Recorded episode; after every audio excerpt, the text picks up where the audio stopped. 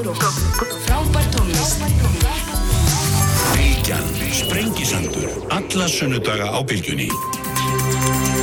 Sæli hlustendur, þá haldum við að staða hérna á Sprengisandurum sem leðlikur þar verið einnig lók þátt var Hildur Björnstóttir og Þórti Slóa Þórastóttir borgarfulltrúar aðeins þá uh, fyrir eftir af afkomu Reykjavík borgar sem að mörgum þóttur og ansi ansi erfitt að kingja uh, Guðmundur Ingi Guðbrandsson verður hér ræðir innflytjandamálum við um 11 leitið félags og vinnumarkas ver, þau verða hérna að koma beint á landsmyndi sjálfstæðarflóksins Hildur Sveristóttir og Vikus Bjarni Albertsson reynum að ráða þar aðeins í hvað er stemninguna á landsmyndunum, nú er þetta formanskjöri í dag og, og ramögnu spenna held ég mér sjó að fullir það hérna í næsta húsi við okkur, löðshöllinni en sestur er hérna hjá mér já, sestur er hérna hjá mér, Valur Gunnarsson Ríðdöfundur, bladamæður, sætla blessaða Valur velkomin. Já, takk.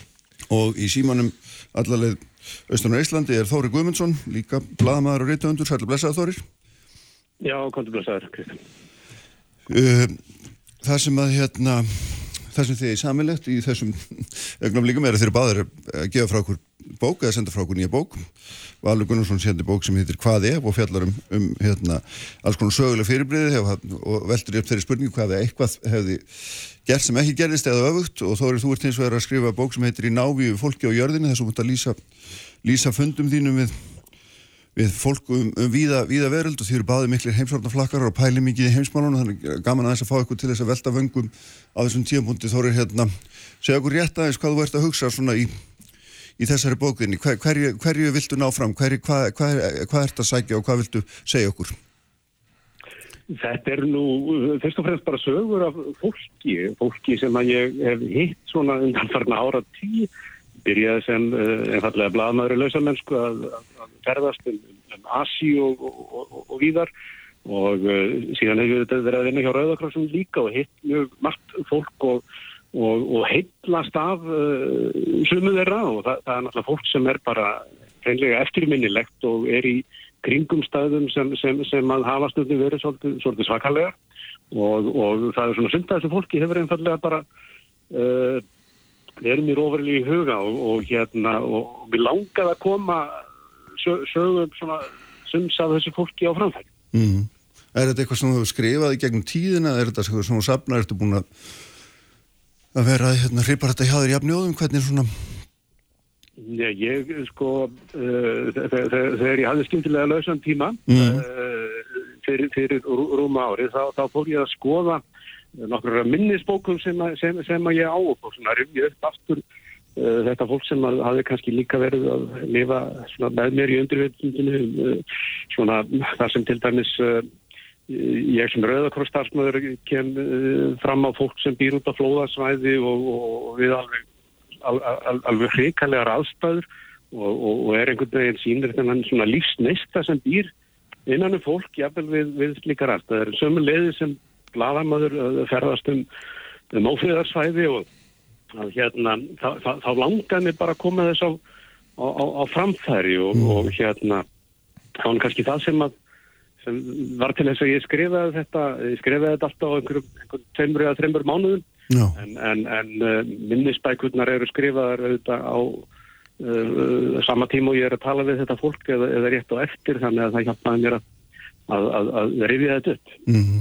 Valur, þú, þú ert hérna alltaf nú slóðum en, en kannski að velta fyrir þér hlutskipti mann sem einhverjum ætti líka því þú ert að velta fyrir þér ímsum stóratburðum í sögunni og, og hérna út frá þeirri fórsöndu að hvað hefði orðið ef þeir hefði ekki, ekki gerst eða, eða orðið eitthvað minn allt öðruvísi. Jú, jú. Og hvað, hvaða fræð er þetta? Hvað er fræðin? þetta byggir endar á óreðutjenningunni sem að, að gengur út á að Uh, litla breytingar geta haft stóra afleðingar mm. það er frægist að mynda fyririldinu sem blakar vanginu og, og leiði til hérna kurvilbils eða að mjög byrja segja að hérna, maður býtur í leðublöku og verið að setja þar á lokatum heiminum. Já, já. uh, Þetta er einstaka, þetta er ekki sko, stóri ströyma sögunar því að, að því að sagan er bara það sem við gerum við hana, það sem mm. fólki gerir og, og allt sem fólk gerir hefur einhver afleðingar þannig að við erum alltaf að móta söguna að miklu eða litileiti, þannig að miklu leiti eftir því sem fólk hefur meiri, meiri völd. Og hvað ef ákveðnir einstaklingar hefðu tekið aðrar ákvarðanir þá hefðu kannski gjörðið fyrir heimstyrjöld sem að þýtti að þýðir auðvitað að 2000-stöldin hefur verið allt öðruvísi já, já, já. það að byltingin í Rúslandi hefur getað þróast á ótal vegu önnurhöldina Stalin tók við sem að kannski svona vesta niðurstaðan uh, Hitler hefði reynda getað unnið strax í upphafi ef hann hefði tekið aðrar ákvarðanir mm. en uh, síðan áður hann var komin í stríði allan heiminn, þá var það að vera og svo var hann veis, Sovjetríkin uh, það er kannski svona uh, að því man eftir fallið Sovjetríkjana og, og eftir á þá sá allir fall Sovjetríkjana fyrir, alveg svo eftir á sá allir hrunið fyrir sko, Já, já. þá var þetta óhjákamilegt en, en ég man á bara á sínum tíma, þá var engin, engin sem gæti ímynda sér að Sovjetríkin myndi falla og na, það var ekkit endilega óhjákamilegt heldur en, en það, og þess, þá velti ég fyrir minnum mitt hvað hefði gæst í framhaldinu eftir þessir atbyrðir hefði ekki gerst, það hefði gerst öðruvísi. Mm, nákvæmlega. Þorri, þú ert náttúrulega kannski meira að velta fyrir þér svona einstaklingunum inn í þessari stóru sögu einmitt sem að, hérna, sem að þessir stóru atbyrðir er einhvern veginn að hrifsa fólk með sér og henda því út í aðstæður sem að það ræður ekkit við og, og, og kemst illa út úr. Jú, það er baldið þannig. Þetta er nú svona fólki sem verður fyrir barðinu uh, á, á, á, á fólkinu sem að stýrir oft uh, sögunni. En uh, sko, við getum bara við, getum bara farið til Sjarmelsek í Eikjöftalandi núna þar sem að menn er að reyna að uh, enn einu sinni að, að, að þá ríki heimstilega uh, samanast um að koma í veg fyrir hér hitastig jarðar hækki upp úr öllu valdi uh, sem orsakar síðan verri og, og, og fleiri náttúruhanferir, flóð og ofsaður og fólk. Uh, svona hluti af því fólki sem við erum að tala um þarna, það er akkurat fólk sem eru orðið fyrir, fyrir barðinu á þessu, fyrir hérna er það nátt á flóðasvæðum eða, eða eh, stendur í ofsaveðri og verður fyrir barðinu á því sem að þessum stóru uh, sögulegu atbyrðum sem að, sem, sem að verða. Þannig að það er kannski meira litla fólki þó ég tala nú líka við reyndar fórseta og, og hriðverka lit og, og, og menn sem er að, að, að, að, að, að eru í stríði. Já, einmitt, en að fókusin er meiri á einmitt þessa svona á almenna borgara, það sem að hérna, og svona þeirra, þeirra öllug. Já, mér finnst alveg stórkoslegt uh, sko, að, að, að, að tala til dæmis við sko, 69 ára uh, kínverskan öldung þar sem hann uh, svona, svona situr og hækjum sér út á, á bambusfleka á, á, á flóðasvæði Kína þar sem að þegar maður horfir í kringu sig þá sést ekkert, nánast ekkert nema bara, bara vatn á stöðum þar sem áður, voru áður gróður akrar. Og sko hann er að fara þarna af uh, af, af, af svæði þar sem hann hafðist við uh, fór langa veg á, á einhverjum svona pramma sem var búin að búa sér til til þess að bjarga sko þakplötunum úr uh, húsinu sínu, kofanum.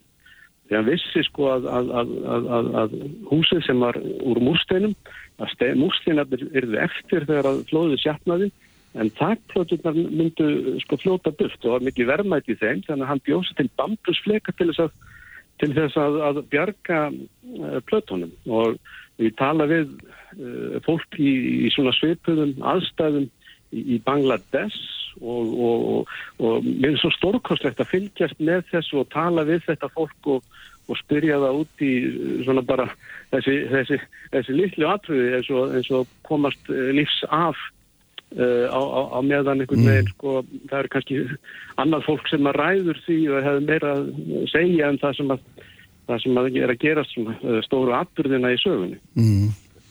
Hvað, hérna, hvað lærum við af þessum, þessum vangaveltuninu þegar þú ert að velta fyrir þér hvað ef eitthvað hefði, hefði farið öðruvísi, hérna, er eitthvað hægt að læra þessu, er eitthvað, er eitthvað, er eitthvað svona einhverju þræðir sem getur spunnið einhver, einhver mistök sem hann menn hafa gert út og velta fyrir því hvað hefði gerst ef að Hitler hefði unni stríðu og bíklandin hefði aldrei verið til? Þetta er og tekið öðrum sem áttum Já, ég sko svona stóri lærdómurinn er sá að sagan er alltaf í okkar höndum. Mm. Sagan er það sem, saga mannkins er það sem mannkinn gerir, það sem fólk gerir.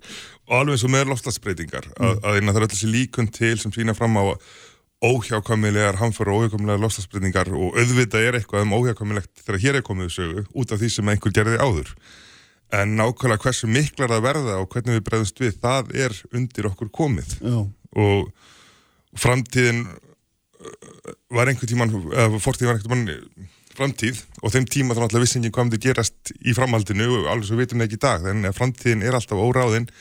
En uh, við getum kannski eitthvað lært af sögunni, það er alltaf það eina sem við höfum til að læra af, við höfum ekki enga aðra leið að vísa um hvernig hérna framtíðin verður. Er, er, þetta er, er hérna bara svona tilturlega vinsal svona bókmyndagrein eða, eða hugsanagrein að það er að velta fyrir sér þessum hlutum. Hvað, hvað ef eitthvað hefði orðið öðruvísi en það er, hvað ef annar fórsti hefði unnið í bandaríkjunum Gór Bush tekur þessum dæmi þarna. Já, já. hvernig það er breytt heiminum. Já, þetta er eitthvað, þetta er eitthvað fræði sem menn eru að pæla mikið í. Jú, eh, og þá maður eiginlega skipta þeim í tvent, sko, það er annars vegar skaldsögur sem að uh, menn eða High Castle eða Föðurland eða gjarnan eitthvað með að Hitler hefði unnið, sko, og hins vegar er þetta, og hafa hún undanförnum svona 20-30 árum orðið uh, að, alvarlegri fræðigrein sem að hérna, sem byggir á, á uh, þessu óriðkenningunni og Guðni var að fara að kenna kurs um þetta í háskólanum áður en hann, hann fekk sér aðra vinnu sem að. En hann kom síðan sér gestal fyrirlesari og, held fyrirlestur um hvað ég hann eða ekki orðið fórseti. um, já, þannig að þetta og, og einmitt Górbús náttúrulega er svo, svo rosalegt dæmi um hvað við vorum nálægt í allt færi öðru Það voru nokkur hundur atkvæði í Flórida sem að hefði kannski þetta klára að telja og þá hefði og, og það var ekki svona ljóst þá að þetta myndi skipta miklu máli. En síðan kemur náttúrulega 11. september og hvernig þið bröðist því na, hvaða fórsti sem er hefði ráðist inn í Afganistan, þaðan kom ára sinn það var krafað um það hefði einhver annar heldur en George W. Bush ráðist inn í Írak það er erfitt að sjá vegna þess að það var bara einhvern veginn skinsanlegt og þetta var meira svona fjölskyldu hérna fyrir bara að fara í stríðið Írak sko. já, já, einmitt það er náttúrulega að, og það velta þessu fyrirstöður einhverstað stendur nú að hérna, með einu ef er hægt að koma að París í flösku þannig að það er hérna en, en hérna þá er hérna aðeins sem við farum okkur aðeins svona bara næri, næri tíma og, og, og líka aðeins í þínu umhverju þú ert og það styrjöld bara á næsta pæði hvernig, er, hvernig myndur þú lýsa svona andrúsloftinu Já, sko, er reyndar alveg hægt að tengja þetta við, sko, uh, það sem að það sem að alveg er að fást við. Mm. því að sko það, hér hugsa menn aldrei til dæmis hvað, hvað hefði gerst uh, sko 1938 ef að, ef að tjekkar hefðu notið meiri alþjóðlega stuðnings þegar þeir eru að láta undan síga þjóðverjum sem var síðan uh, upphafið af, af, af annari heimstyrjöldinni. Uh, og þá hugsa menn til Úkrænu hvað þeir eru uh, þó, þó þeir eigi þarna í þessu, þessu mikla stríði hvað þessi þó hefnir að, að njóta aðstóðar umheimsins. Og, og, og það er kannski það sem menn er að hugsa um mjög mikið hérna í Íslandi því að, því að, því að þeir, uh, þeir, þeir, þeir eru sko allavega þeir sem ég hef talað við uh, hér, þeir eru sannfærður um að, að, að, að sko þeir séu einhver staðir í röðinni uh, hjá, hjá, hjá rússinu, hjá rússnesku uh, Putin, hjá, hjá rússnesku stjórnvöldum uh, og eins og annur kannski fyrirverandi sovjetliðveldi. Þannig að þeir verja til dæmis gífurlegum fjármennum til, til hérna hersins. Þeir eru sko svo þjóð uh, með höfðatölu sem hefur uh, stutt úkrænumenn uh, hvað mest, bara fjárhagslega og það eru, og þeir, þeir, þeir, þeir sko sendu mjög uh, dýrmætt hergögn bara í, í upphafi stríðsins, skreitirgabissur og annað sem að þeir döldu sér endar hafa full nót fyrir hérna þeir hugsaði sem svo Úkraina er uh, og, og þessi, þessi hérna Já, er, er, er að verja okkur, þetta er, þetta er svona framvarða lína uh, vesturlanda uh, sem, sem Úkræn menn er að verja, þannig að þeir líta nánast á þetta sem sitt stríð. Og, og, og það svona, það, það finnum maður mjög stert hérna.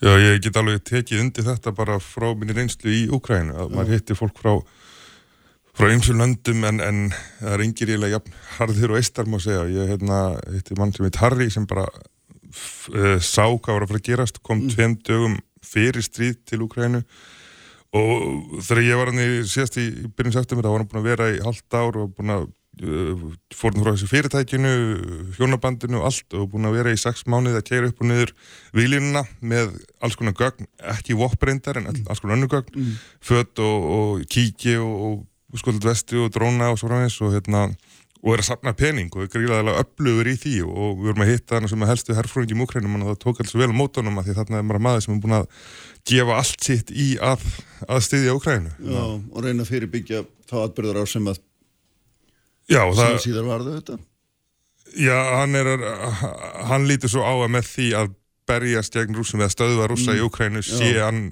á endanum að stöðva þá í Íslandi. Þetta er eitthvað sem að hérna er bara mjög fast í eistum vegna þess að í, í, í 1939 þá tóku rússar yfir landið án þess að neitt hérna, að þess að bara stóra móti og það farið með sér miklu hörmungar og þeir ætla ekki láta það gerast aftur.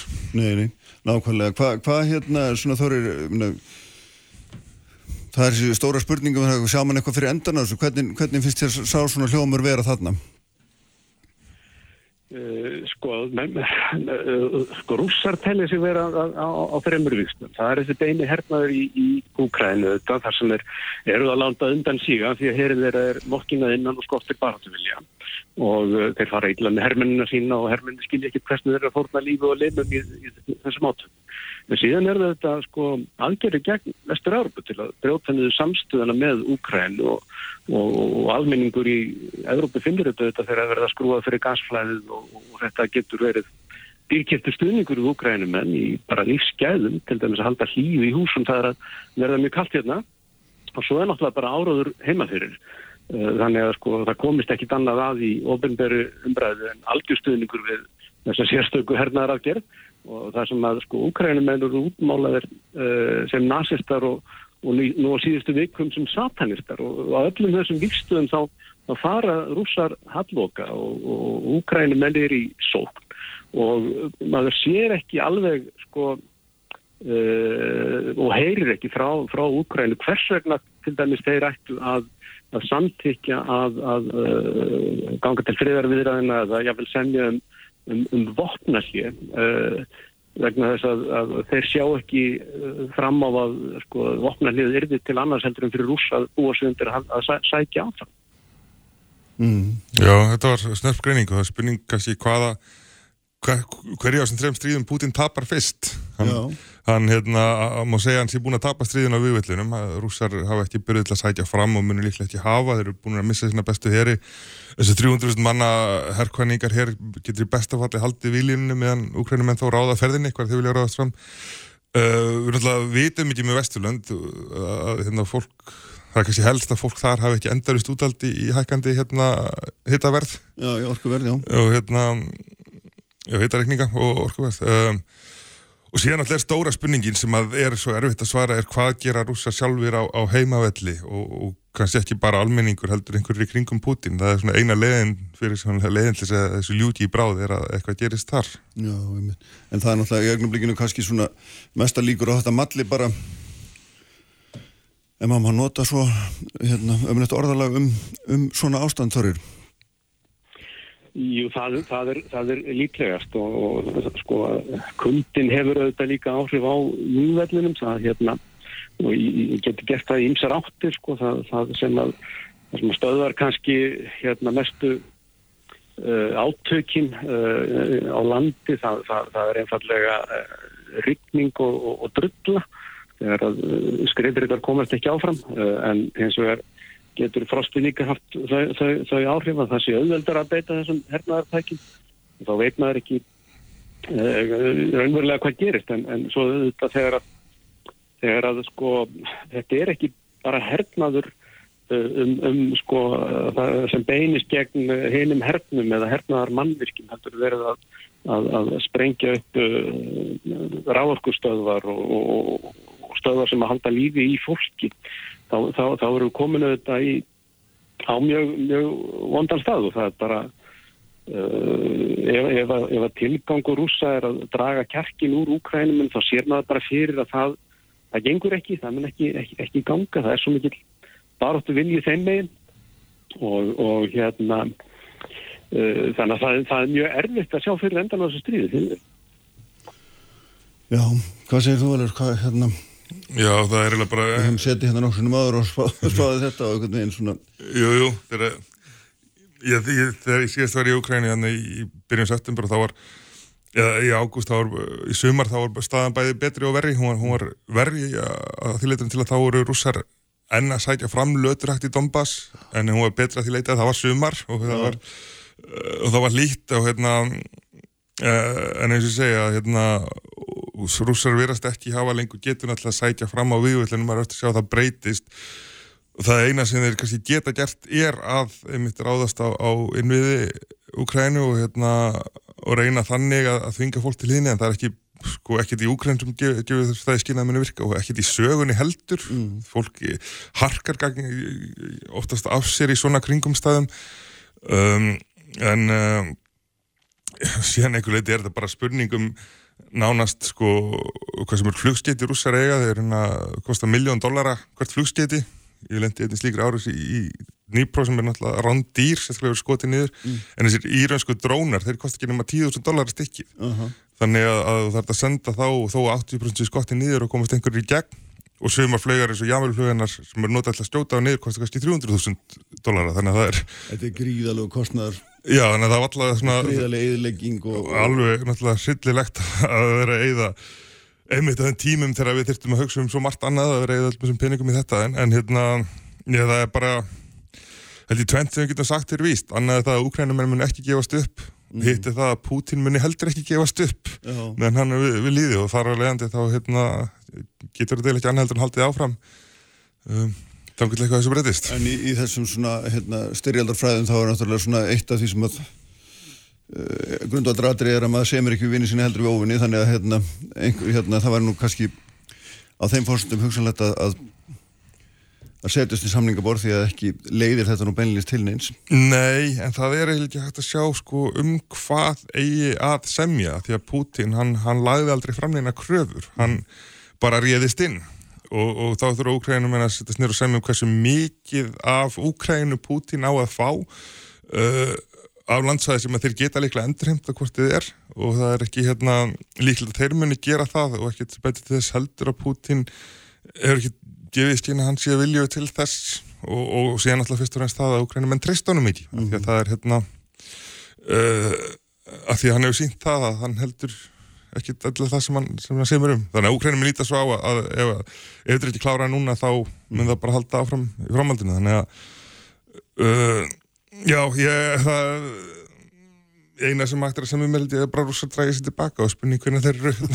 Hver að það næst fram. Já. en hvernig Þóri, er, myndur þú segja svona nálaðin við rúsa í Íslandi, er hún, er hún ekkert með svona, myndur þú geta líst því með orðinu yfirþyrmandi eða hvernig, hvernig svona hvernig myndur þú skilgrana það Sko, ég hérna, ég var nú í landamærin í gær fór til Narva og, og hérna, uh, sko, nálægðin, það er eiginlega ekki hægt að segja þessi yfirþyrmandi, þetta, þetta, þetta, þetta er svona, þetta er ótt sem er stöðu til staður og þeir horfa tilbaka til, uh, sko, sögunar í þessu, þessu sambandi að hérna, Þeir, þeir hafa haft uh, tvo mikla óvinni uh, uh, í sögum. Það eru þjóðverjar og það eru, það eru rússar.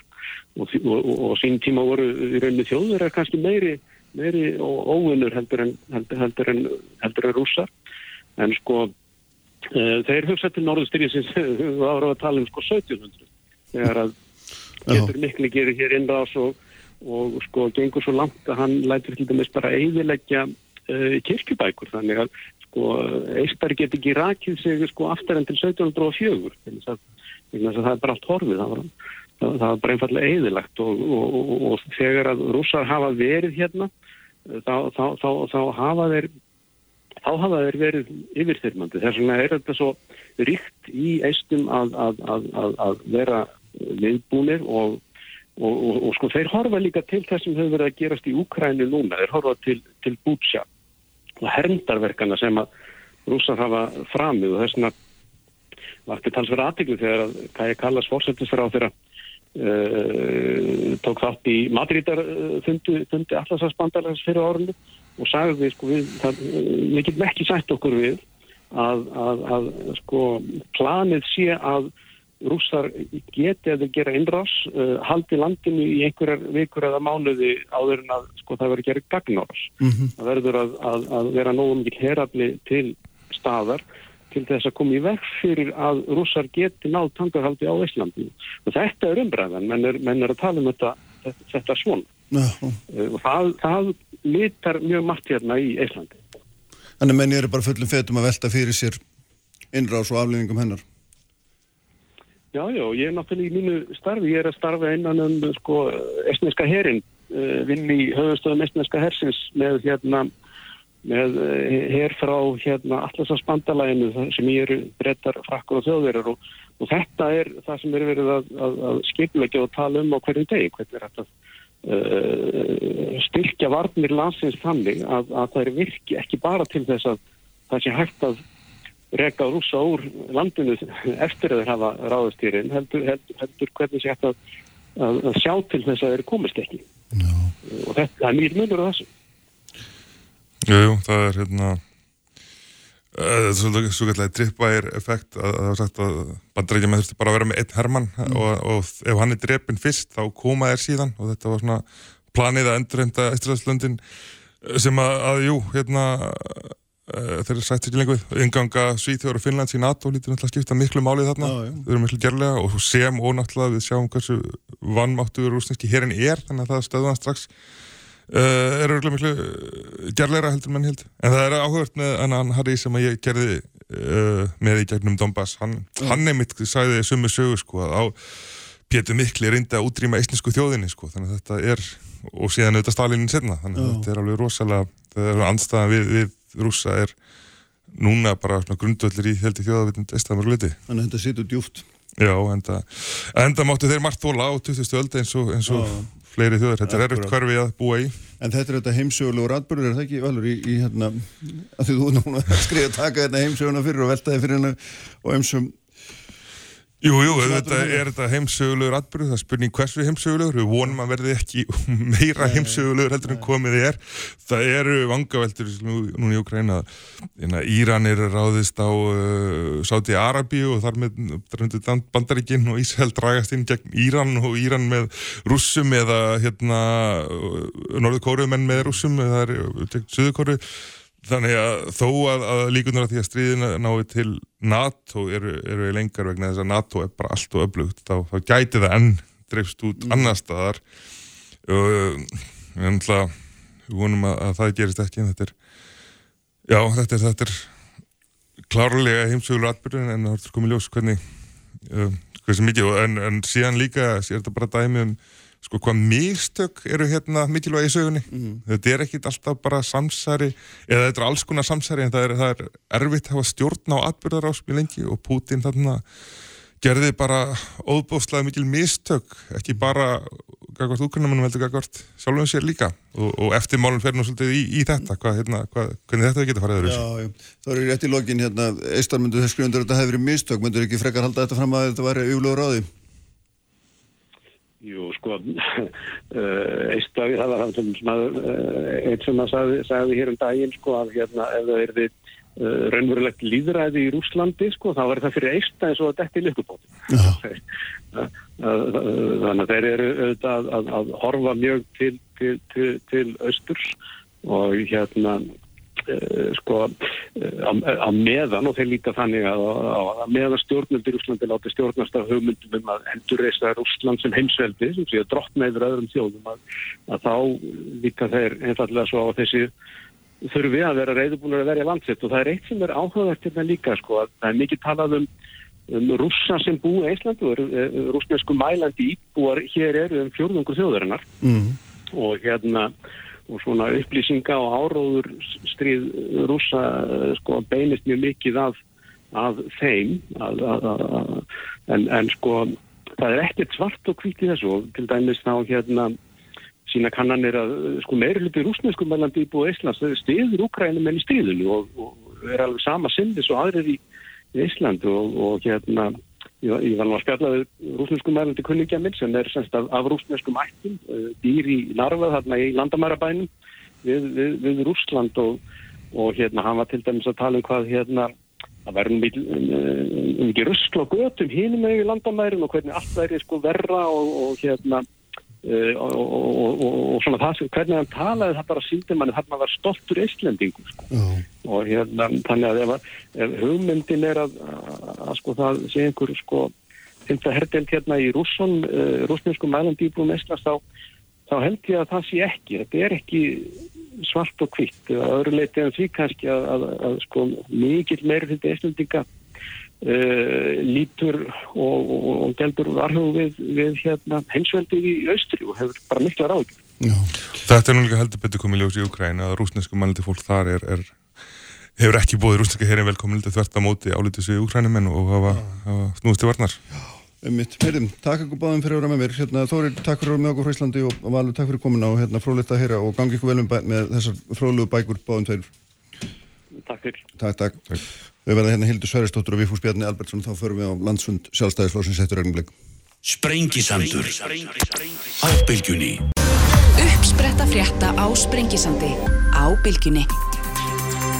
Sælum fyrstendur, uh, höldum áhrifin sprengstendunum, Þorti Slóa og Hildur Björnstóttir Borgarfulltrú að verða hérna í lók þáttar Guðmundur Ingi Guðbrandsson verði hérna líka félags- og vinnumarkas ráþrara en þá innflytjandamál hérna á eftir. En þau eru sest hjá mér landshundar fólk sjálfstæðarlóksins Hildur Sveristóttir Alningiskuna og Vikhús Bjarni Albertsson sem er formaður varðar fulltrúaráð yfir heiti við fulltrúaráð sjálfstæðarlóksins hérna í Reykjavík. Sælum blessabæðið tvö, velkomin. Blessaður. Mér langaði eins að fá að heyri ykkur hvernig stemningin er á fundunum og sérstaklega þetta hérna varandi formanskjöri þið eruð yfirlisti stöðning menn þeirra tækja Bjarnar og annars vegar heldur og Viðfús, þú hefur verið að vinna fyrir Guðla og Þór Ég held að það sé bara, sko, þetta er náttúrulega staðista líðræðsátti sem flokkur getur haldið og ég held að það sé gott núna á þessum tíamótum að gefa fólki tækifæri til að bara kjósa. Það er, ég held að það sé holdt að fara í ákveð samtal, endurskoðun, ég held líka að við þóluðum bara mjög vel og ég held að svona kostningar láta okkur svolítið líta inn á við fyrir hvað stöndum við og hvert eru við að fara. Mm Ég sé enga hætti í þessu ég, Nei, en ég, þú, ert, þú ert ekki ánæðið með stöðan eins og hún er eða hvað? Ég held að það sé bara tækifæri til að bæta fylgi og ég, sko, fyrir mig sem svona græsóttamann þá hefur mér finnst Guðlaugur Þór hafa sínt mjög mikla getu og færni því að virkja okkur og verið beinu samtali við okkur. Og þar finnst mér hann vera svolítið sér á báti og mér varst ræðin hann í gær, sko, hjá honum endur spekla þónungum mikla auðmygt og vilja til að leifa okkur að, að vera mjög ráðandi því hvernig, hvert flokkurinn er að fara. Hvað segir þú Hildur, þú vilt óbreyta ástand? Þeir eru ekki ástæði til að breyta Nei, ég er ekki ástæði til að breyta ástandi sem er príðilegt Mhm. á, á alla kanta. Uh, sérstaklega maður lítur á verkefnin sem býða hér í samfélaginu.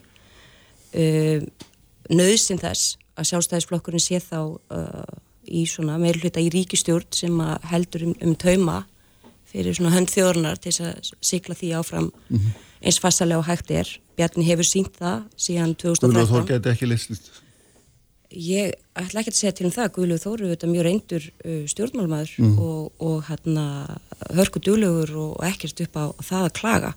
En hins vegar held ég að það sé bara hérna í raunheimum íslenskra stjórnmála, þá er það auðvitað þannig að personur og leikendur og, og allt svona hrópl munu auðvitað hafa áhrif og ég held að allir sem hafa fylst með, já til dæmis þessu ríkistjórnarsamstarfi undanfærin fimm ár, sjá alveg að þrátt fyrir að þá, ég menna, fyrsta er þetta þvert yfir hinn pólitíska ás sem eru auðvitað flókið, við vitum það alveg og, og, og alþjóð hefur alveg fylst með því það upp mál sem er bara ríkistjórnarflokkunum erfið, við skulum bara tala íslensku hvað það varðar.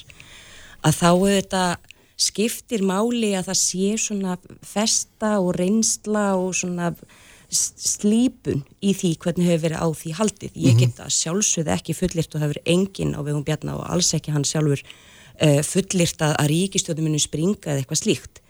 En það er ekki hægt heldur að fullir að það muni ekkert gerast og ég, ég held nú svona eins og ég segi í, í, raunveruleikanum að þá mun þetta, mun einhvers konar breytingar á já, svona hö- höfuð sætunu þarna í þessari ríkistjórn sem að formaði sjálfstæðisflokkurinn er, auðvitað mun það hafa einhver áhrif. Já, þarna uh, Guðlaug saði nú í ræðinu sinni við hérna þessa 18-1900 mann, þetta allan hann fælt eitri 18-1900 manns voru það að segja mér hérna að anstæðingarnir ætti ekki ráði hver væri formaður er og, alveg og, og, og það, það væri fundarins ég minna með öðrum orðum, hann, Ég- er, hann er að lýsa því að þetta það hafi engin áhrif þó að hann tæki við, hvað, ég þú meina, hlýttur ég- að þýljóta að velta þessu fyrir ykkur líka? Ég, sko, ég hef bara velt þessu fyrir mig svona uh, það skiptir ekki máli hvað vinstri grænum eða samfélkingunum finnst um okkar hverju leiða í okkar brú. Mér finnst það algjörlega óskild efni. Við erum ekki að skipta okkur af því.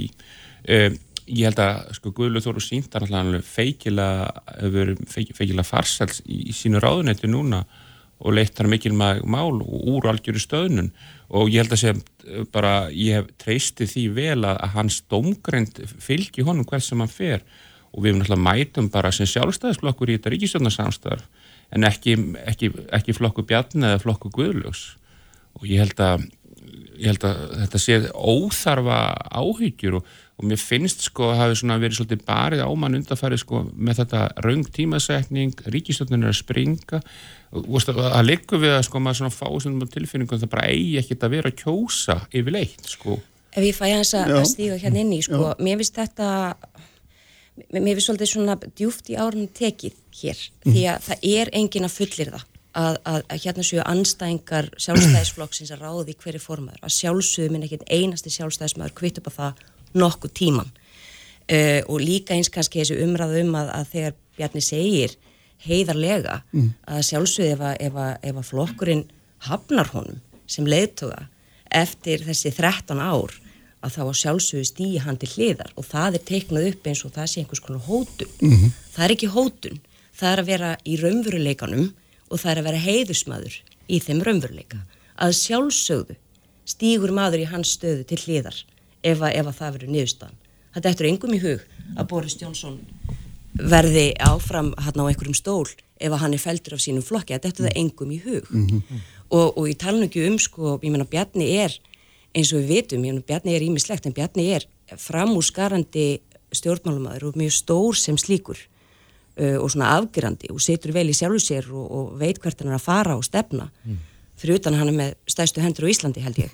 Ekki myndi ég vilja hafa hann í aftursætinu ef ég var nýr formaður nýbúin að fella hann með öllum líkindum nefnilega. Það er, það er heiðusmaður sem stýgur að sjálfsögðu til hliðar í þessum aðstæðum og það er einhvern veginn verið að teikna upp að það, þetta frambóðanskuðlögs eins og það megi ekki, að sjálfsögðu ekki líðrað er mjög há, í háum haft í sjálfstæðisfloknum. En tímasetningin er óvennileg. Við erum nýbyrjuð í stjórn- stjórnarsamstarfi sem gengur vel með mikil verkefni framöndan og að það með ekki ræða raunveruleikan í því að þarna er verið að rugga bát. Það er bara þannig. Eins og það sé einhver hótun í því, ég er bara ósamála. Já, Guðlur fyrir ekki við fúsa hlæðinu að segja við fyrir ekki Ég hef polgerst hér sem akkurat. Ummyndja já, en hérna sko, já, ég, ég Segð þú okkur bara, þú veist, hver er munurinn að þeim? Hva, hvað verður öðruvísi í sjálfstæðarflokknum og fyrir aðra í samvinni við hann ef, að, ef að það verður skipt um fórustu? Ég persónlega og ég upplifu það til þess að ræðurnir í gær endur spekluðu þó nokkuð mikið mun. Mér fannst bara uh, uh, orðræða guðlöks í gær vera, uh, það var miklu meira auðmíkt þar. Ég, ég sá heilmikla persónu þar byrtast mér fannst, hann fór ekki í anstæðinga sína á þann hátt að tala um þá persónulega. Og ég er þá ekki að segja að Bjarni hafi gert það innanflokks um, mér fannst hann uh, út Talum um árásur aðra stjórnmálflokka Já. Stjórnmálmenn, já. Já, ég hefði persónulega valið aðra leið. Já, mhm. um, uh, ég held að það sé ekki holl orðræða uh, mér fannst koma fram mjög skýrt að hann myndi vel hvaðan hann kemur. Uh, það hafa dregin upp mjög sterk mynd þarna í gæra af, af, af drengs, bara svona venjulegum alþjóðu dreng sem ég finnst holl mynd mér finnst hugdagi stjætt með stjætt vera útskýrt mjög vel í ræðunas þannig ég svona maður með þennan bakgrunn hann, hann höfðar til mín sem stjórnmálamaður. Mm Bjarni Ben er glæsilegu stjórnmálamaður og, ég, og, og hann, getur, hann getur verið mjög stoltur í sínum verkum. Og ég held að eitt sem er svo jákvæmt til landsfundi núna og ég var að segja við Hildi sem ég lít mér reynda á sem vinkonu mína Algjörlega og sömulegin. að, hérna, að sko að við erum svo heppin að geta haldið hérna 1900 manna hátíð með konum og köllum, það er rosalt mannval í flokknum þannig að við munum alltaf á endan að verða mjög sterk en bara það, það þarf sem að hrista upp, upp í, á heimilum. Mér fannst ræða Guðlaugs bara príðileg og, og, og ná vel, vel utanum Hversu sterk er hvaða- þetta lýsingur árið þínu munni? Príðilegt? Ég- að þarna- það getur verið ég- bæði ég- svona lalla og líka frábært sko. Nei, ég minna, mér fannst ræða Bjarnar betri Já. eh, hvernig hann lítur á, á, á sitt hlutverk sem formaður sjálfstæðisflokksins. Ég er meira sammála því. Um, en, en, en fyrir sko það erindi sem að Guðlugur er að setja borð þá náði ræðan bara vel utanum það og, og gerði það bara vel og príðilega um, en sko ég, mér fannst ræðan að spjarna líka teiknum mynd sko af, af vegferðinni þar sem Bjarni hefur leitt flokkin frá því að hann var að lýsa því hann satt þarna á kirkjubekknum í, í miðjum mótmálum hérna eftir búsvaldabildinguna og það flýgur grjótinum innum, innum gluggan og, og rúlar eftir kirkjugólunu og hann var að segja hvernig getum við náðu sátt í samfélaginu, hvernig náum við okkur upp úr þessu? Og svo erum við hérna þessum árum síðar í einu farselasta samfélagi í heimi þar sem Bjarni Benditsson á bara reysa stóran þátt mm. í því mm. og mér varst hann gera það vel og ég hérna geri alls ekki lítið úr og er mjög sammála eins og stjætt með stjætt og, og að græsrótin skipti máli en ég verð samt líka að fá að spyrja sko ég átta mig ekki alveg á hvað að vera að vísi í mig stjætt með stjætt ég menna fjármálastefna Bjarni hefur passað upp á allar, allar tekihópa Uh, með miklum, miklum glæsi brag. Já, segjum ef... þetta með fyrirvara andmæli frá mjög mörgum en Já, nei, ég, ég veit að það má alltaf gera betur Já. en það er búið að vera áhersla. Það er ekki, það, ég er bara að segja að það er verið áhersla bjarna að passa upp á alla tekihópa það er mikil breytti í sjálfstæðisflokknum. Ég menna ef, ef verið að tala um þá sem er í forgunni, ég menna verið að vísa til mín ég er tvefald kennarabatn úr smábóðakverðinu í verðbólgu 80's, það er vantalega ekki verið, ég tek það allan ekki til mín.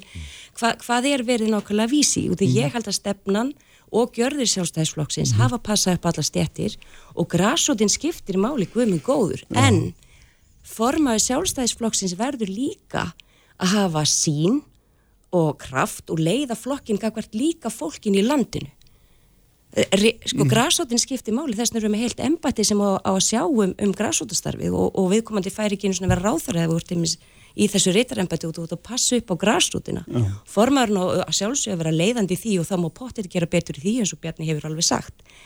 En að, að formarinn er fyrst og fremst að passa upp á græsrútina ég er virðingafylgs bara ósamla því. Mm -hmm. mér finnst að formarinn sjálfstæðisflokksins hafi, hafi fleiri og, og, og jafnvel stærri hlutverk en það. Já en finnst þér á einhvern tátt vegna það er eina af þeim myndir sem er dregin upp er auðvitað augljóslega svo og það er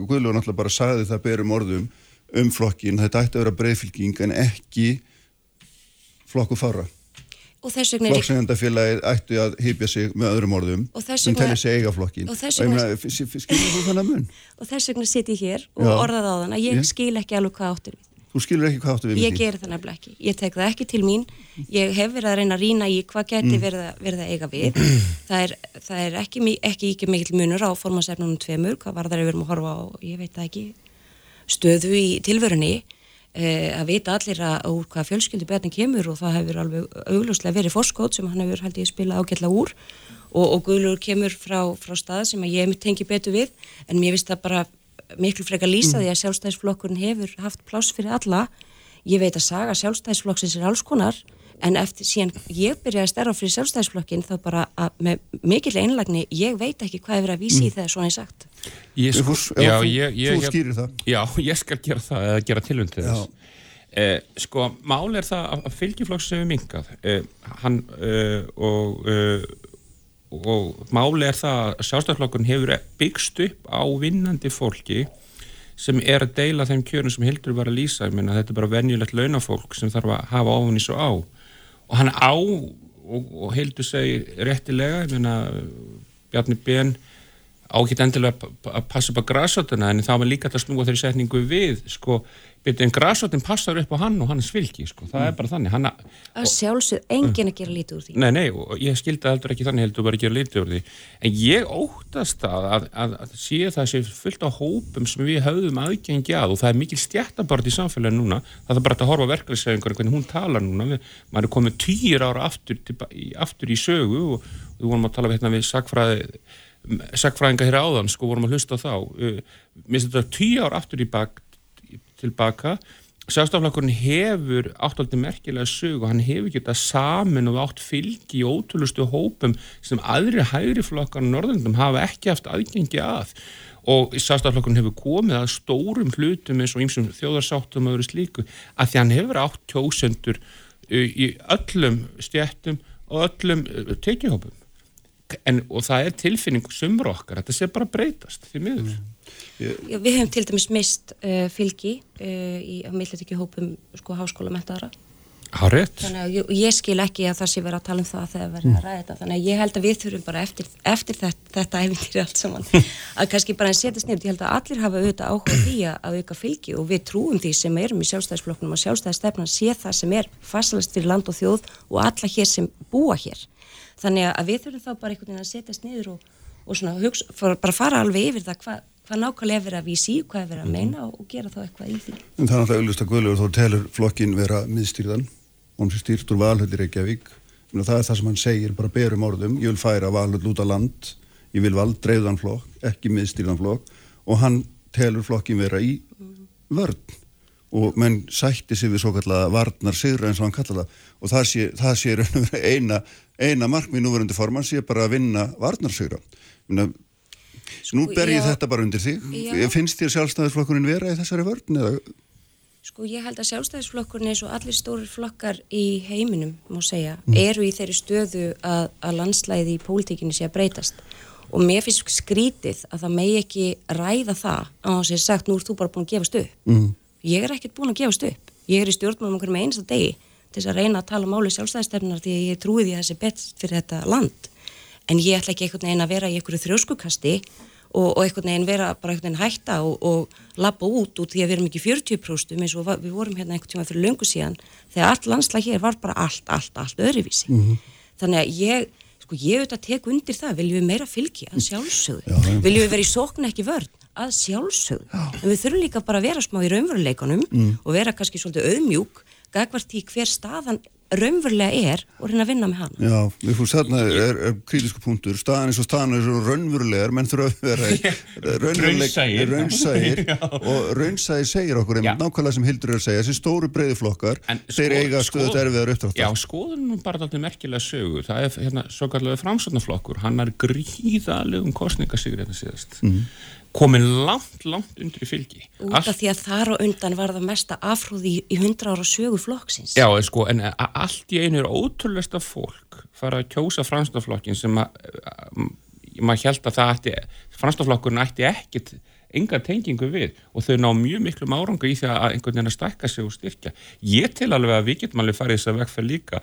Breski íhalsflokkurinn sem er sýstu flokkur okkar að vissu leiti, hann er með gríðalegt fylgi, ég veit að er annað flokkakerfi og annað slikt, en hann nær samt að halda utan um mjög breiðan hóp Sjálfstaflokkurinn hefur verið breyðfylging, það hefur kvarnast úr honum, við, við eigum uh, fullt af fólki sem voru fastur kjósendur okkar í öðrum flokkum. Er þetta lögmál eða, eða er lögmáli kannski að fólk getur bara komið tilbaka? Og ég vil meina að fólk getur alveg komið tilbaka. Já, þú ert að tala um fólk sem að fór í viðreins til dæmis. Því Já, að sjálfstæðisflokkurinn alltaf bara lokar gjörsamla umröðu um Evrópu, teki Já, það er mjög óskinsalegt skrif í sögu okkar og þá er ég ekki að segja ég sé fylgjandi Evrópusambandunum og ég hef heyrt í góðsningabartur núna að Guðlu Þór sé alltaf nokkuð Evrópusambandunum, hann er bara mjög skýr, hann sé það ekki á þann hátt eins og viðreist nefur talað. En umræðan má eiga sér stað og það er, og það er dýrt fyrir okkur að missa svona já, frambarlegt fólk frá okkur. Og það er bara, ég veit bara að fá að segja það, það er að læra alveg ótrúlega mikið af fransknafloknum af því hvernig hann hefur náða að endurbyggja sig því að hann fyrir úr sögulegri læði yfir í sögulega hæð með hvernig allt er að núna. Hvað gerist Hildur ef að verða formannskipti í dag? Ég, ég veit það ekki. Nei, ég veit, þú veist það ekki að- en ég er að byggja það svona spekulera aðeins í því með mér Já, ég hann að ég treysti mér ekki alveg í að meta það. Ég menn ekki held að það sem gerist verið fyrsta dagskrá er að, er að ríkistjórnum myndir ræða saman uh, við, við þá nýjan leitt og þetta sé alveg þess eðlis að það þurfi. Já, ég myndi nú gefa mér það, já, Já. að sjálfsögðu. Já, já, við getum alveg ímyndum okkur það hann að ég sé hver er næsti miðmaldi þetta er fyrst hann er komin í Já. þetta hús. Ég menn auðvitað, auðvitað þýrt að setjast nýra ræði málin ef að til dæmis hann og Katri Jakobsdóttir myndu skipt um sæti, ég held að það segi sér sjálft. eh, svo hann hefur nú sjálfstæðisflokkurinn verið þekktur fyrir að geta tekist afgerandi á en, en Aðeins síðan hægja þér, ef hann og Katrín Jakobsdóttir myndi skiptum sæti, þú ert að segja mér það ef Guðlu vinnur að hann myndi fara fram á að verða fórsættisræður Nei, er ég að sjá, er, var ég að fara manna vilt um hver er næstur á dagskrá hér? Já, Guðbrandur, nei Guðmundur, Ingi Guðbrandsson. Já. Já, já, þú menar Hann og Katri, sjálfstæðismenn þyrftu vantilega að ræða við nýjan uh, leiðtófinstri grætna ef hann og Katrin Jakobsdóttir hefði skipt um sæti. Já, nú Nei, ég var, ekki, ég var ekki að bóða neina, neina, nei, nei stólaskipti og ríkistjóðunni sjálfur, nei. Nei. En það er- hefði ég engar fórsendi til þess. Nei, en þú telur semst að ef, að- ef að þessi breyting gerir því að þá, þá hérna, þurfa að fara fram nýjar stjórnumynda verið að missa einhverju marki. Nei, ég er ekki að segja það. Ég myndi halda að eitt af fyrstu verkefnunum væru, þar sem að það er náttúrulega eitt höfuverkefni sjálfstæðisflokksins núna að vera í þessari ríkistjórn, uh, gagvart vetri sem verður erfiður, að sem fyrstu auðvitað setjast niður og bara ræða hvort að, hvort að allir séu enn og sem er blaðsjú og hvað það var þar og þar með ekki að gera, gefa mér eitt en eitt nema ég myndi halda að það sé eitt af fyrstu samtölunum. Og svo uh, vantarlega og vonandi er þá eskilegt einhvern veginn að reyna að, að allir svona komi heilir út úr þessum, þessum slag, sjálfstæðismenn eru nú þekktir fyrir það að geta það. Þannig hefur ekki bara vona að, að svo verði raunin. Það bara verður þannig, við fylgjum liði. En þið eru vissum það. Já, ég meina það er ekkert valið manna, ég meina ég, það er ákveði heilbrið að þóra og geta að fara í svona samtal og, og svona krefandi kostningar og koma síðan bara heil út úr því. Ég held að við getum það bara mjög vel. Já, en hvað gerist En það ef, þessi formanskipti verða þínum að við... Ég held þá náttúrulega, ég þóra ekki segja til um hvað Bjarni ætlar að gera. Ég veit að Guðlur hefur mjög mikið að gera og hún hefur haldið þá bara þétt við efnið að fara að standa við það sem hann er að tala um og hann verður maður fyrir til þess. Já, en það Bjarni er svo sem búin að lýsa því yfir hvað hann ætlar að gera. Já. Þannig að það, þau, þau skipti eru nú svona, liggja nú á borðinu, ekki satt?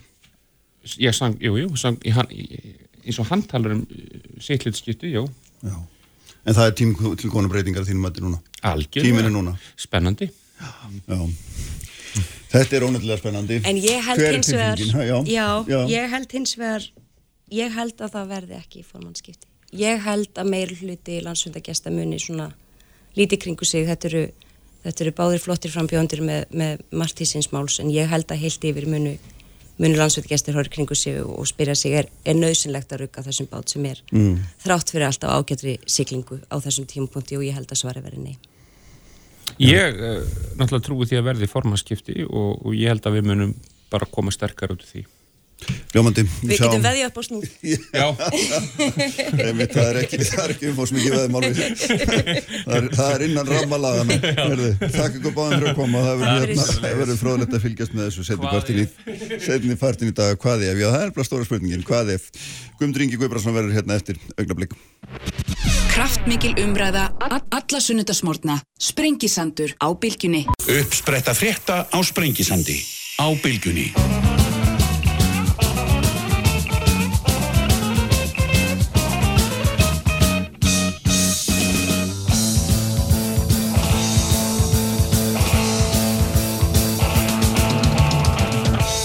Sæli aftur hlustendur farin frá mér á landsmyndi Sástæðarflossins Hildur Sveristóttir og Vigfús Bjarni Albertsson.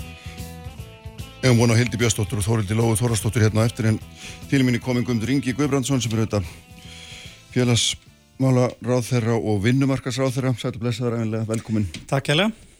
Sko, mér langaði að fá þið til þess að ræða hérna, þessi innflytjandamál Þetta er að hluta til á þinni konum Mhm. uh, og, og við þekkjum það og kannski að við náðum að þess að tæpa einhver öðru í lokin. En við þekkjum það þetta bara úr sögur nágrannan þjóða. Allra Norrlandana meira að minna uh, Þískalands, Fraklands, Bredlands það er alveg sama hvert við horfum. Að innflytjandamál hafa verið gríðarlega erfitt verkefni fyrir allar þessar þjóðir. Og, og þeim hefur að margan hátt sumum að við tekist illa að handla þetta og þú ert með á þinni kannu stefnumótun í þessum málum, hvernig við tökum á móti fólki, lögum það í íslensku samfélagi og framvegis. Og, og sjálfkrafa náttúrulega fylgir þessu uh, hérna, þessar hugmyndir um hversu margir og, og hversu lengi og, og, hvað, hérna, og hversu mikið má borga fyrir það og allt þetta, þú þekkir þetta allt saman. Mhm. ég meina, förum aðeins í þetta. Hvernig, hvernig gerum við þetta almennilega? Af því að það er auglust um þetta eru mikla deilur. Við vorum að vísa hér á brott að annan tög manna, miðjanótt mjög harkalegum aðgerðum sem að það er greinilegt að mjög stór hópur fólks er gríðalega ósáttur við Mhm. þetta er nú vandamáli sem að hérna ég held að veist, maður getur ekki, ekki hérna gert of, lít- of mikið úr í raun og veru Nei, sko, þetta er alveg rétt. Það er verkaskipting milli dómsmálaráþurra og félags- og vinnumarkasráþurra þegar kemur á málefnum útlendinga og innflytjenda. Þar sem að, það sem að snýra um, umsóknum um að fá hér stöðu flóttafólks, fá hér alþjóðlega vernd er á borði dómsmálaráþurra en þjónustan við fólk, bæði meðan það er að sækja verndina, eh, er í umsóknarferlin og eftir að það fær vernd er á, er á könnu félagsmálar á þeirra og reyndar sveitafélagana líka. Eh, og þar með tali stefnumótunum hvernig ætlum við að taka á móti því fólki sem hér fær vernd? Og þarna þurfum við náttúrulega að draga ákveðna línu á milli að ráðunetti hjá mér í sinni stefnumótum er fyrst og fremst að horfa til þess. En auðvitað líka eh, viljum við, viljum við reyna að hvetja til þess að hingað eh, komi fólk sem að eh, getur bæði félagslega og á hagrannan hátt þjónað íslensku samfélagi á sama tíma og við erum að veita fólki sem að er í e, mikilli neyð vernd og lögin, útlendingalögin sem eru á forræði dómsmálar á þeirra, þau eru auðvitað byggð upp með þeim hætti að, e, miða því að þau sem að þurfa mestri vernd fái verndina. Og um, við vitum náttúrulega alveg að, að uh, fjöldi flótafólsi til dæmis mun meiri í söður-Evrópu heldur en norður-Evrópu. Og það maður spyrja sig er, er sangirn í því e, ef við horfum til dæmis bara til Evrópusambandsins? Mm. E, og, og, og EES svæðisins e, Ísland hefur samt skorið sér talsvægt þarna úr vegna þess að í útlendingarlögum er ákvæði sem að gefur útlendingastofnun tækifæri til þess að meta hvort að fólk sem að þegar hefur fengið vernd í öðru landi geti fengið efnismeðferð hér á landi þar að segja, kannada, hvort að þau geti fengið hér vernd eða hvort að þeim sem senja. Og þetta er ákveð í lögunum sem við í Vafki höfum barist fyrir að halda inni vegna þess að þetta er ákveði sem við teljum að, að um, sé mikilvægt upp á það að hinga kom, kemustundum fólks, þó svo það hafi fengið vernd í öru löndum, e, þar sem aðstæðir eru með einhverjum, einhverjum móti sérstakar og það getur verið ástæði til þess að veita slíku fólki vernd. Þessu við barist fyrir að haldin í lögunum og núna þegar að domsmálar á þeirra flyttur sitt mál, já, í fymta skipti, ekki þessi ráð þeirra, en er núna já, á undarförnum árum, að e, þá er horfið frá því í þessu nýja frumarbi að fella þetta ákveð út. Það er að segja að e, sangvænt frumvarpunni sem að núna er fyrir þinginu, þá ætlum að halda í þetta mikilvæga ákveð mm -hmm. og um, það er, er eitthvað sem að er ekkert launungamál að við deilum um á, á þinginu já, já. Eh, en við teljum þetta mikilvægt að þetta ákvæði haldist inni. Um, ef við horfum síðan bara til verndarveitinga til dæmis á þessu ári þá eru náttúrulega við höfum, sjaldan, við höfum aldrei séð að fleira fólk koma og það er auðvitað út af stríðun í Ukrænu sem er ákveðin stjórnvalda. Eh, það er líka, það er um 60% þeirra sem hingar að koma núna. En samt sem áður líka mjög margir óháð því Já, já, og, og kannski sérstaklega frá Venezuela já, sem er eiginlega önnur ákveðin stjórnvölda því að kærunemt útlendingamála feldi ákveðina, ákveðin úrskurð í, í máli eh, Venezuela búa sem að, sem að opna meira á, á komið þeirra hingað. Það eru kannski tæp 25%, þannig að þetta eru 80-85% mm. eitthvað svolítið sem að eru vegna þessara ákvarðana. Um, Ég vil samt nefna það ef við tökum til dæmis Palestína í mann rétt, ég var nú aðeins að skoða svo tölur mm. og þá eru við 50% þeirra sem að sækjum þaðan er að fá vernd. Ja. Þannig að ég vil nú meina að Ísland sé og hafi verið á undanförnum árum að veita mörgu fólki vernd og í sömu tilfellum hlutfarslega meira heldur en, en löndin í, í kringum okkur. Þannig að þetta er svona kannski þessi endi. Já. Síðan er náttúrulega þegar að ég kem inn í þetta ráðuneyti og við fáum þetta nýja verkefni að þjónusta fólk sem að hér er að sækjum alþjóðlega vernd um, fáum meiri ábyrð á því að horfa til það sem að er kallað inngildingar fólks í samfélagi, mm. að vera gildur meðlimur eða hvernig sem við getum orðað það já. oft notað í staðin fyrir aðlögun okay. um, að þá skortir hér algjörlega stefnumótun um hvernig við ætlum að gera þetta ef við horfum til nágrannaríkjana þá erum við að sjá til dæmis að þar eru sérstök lög um inngildingu innflytjandi inn í samfélagi, sérstök lög um móttökuna sjálfa, hvernig, hvernig dreifist fólk mm. um, um löndin til dæmis. Og eh, ég var núna nýlega á fundi norrætna ráþera sem að fara með málefni innflytjandan og það var mjög skýrt að það eru ákveðin atriði sem að eru kannski stæstu áskoranirnar. Og það er í fyrsta lagi Um, það er að læra tungumál við koma til land mm. sem að, að flottamæður kemur til. Það er að um, læra betur inn á samfélagið, hvernig eru viðteknar vennjur, hvaða, um, hvaða gildi eru í, í, í, í samfélögum þeirra ríkja sem að er að taka á móti, atvinnan og þar með tali það að meta mentun og fyrri reynslu fólks uh, til fullustu. Mm -hmm. Og þessi atriði, kjensla tungumálsins, það að meta uh, mentun og annað sem að fólk hefur, er eitthvað sem við erum ekki að gera nógu vel að mínum mat á Íslandi. Þegar það kemur á atvinnu hins vegar, þá er atvinnusteg innflytjanda uh, nær hverki jafnhátt og hér á Íslandi og það með sér hærra heldur en, heldur en innfættra. Ég get nefnt sem dæmi að við skoðum sérstaklega fólk frá Venezuela og þau sem eru búin að vera hér í þrjú ár, 86% af þeim er í vinnu. Mm -hmm. þeir eru matvinulefi þannig að, að það, það, það er vel gert eh, eh, mér finnst eins vegar algjörlega nöðsilegt að við ráðumst í að skoða það með hvað, hvaða rammætlum við að setja utan um þessa móttök okkar þegar fólk er búið að fá vernd um inngildinguna. Við eigum ekki lögum það og það er eitthvað sem við erum að kynna okkur núna í félagsmálaráðanutinu eh, lög á Norðurlöndum sérstaklega eh, vegna þess að þarna þurfum við skýrari ramma við þurfum líka að fá fleiri sveitafjölu í leið með okkur til þess að taka á móti fólki. Þar eru mismunandi leiðir farnar eftir því hvar þú ert á Norðurlöndunum. Normen til dæmis eru taldir gera þetta mjög vel og ég var að kynna mér, kynna mér það núna fyrir, fyrir skemstu og er bara mjög, mjög flott hvernig þau standa að þessu og e, þannig að það eru stór verkefni framundan mm -hmm. akkurat í því hvernig við tökum á móti fólki vegna þess að markmið okkar hlýtur alltaf að vera það að spórna gegn því að hér verði til mismunandi hópar í samfélaginu með tilliti til eh, sko lífsgæða uh. því í dag er þetta þannig að, að það er líklegra til dæmis að börninflytjanda falli úr námi í framhaldsskólum uh.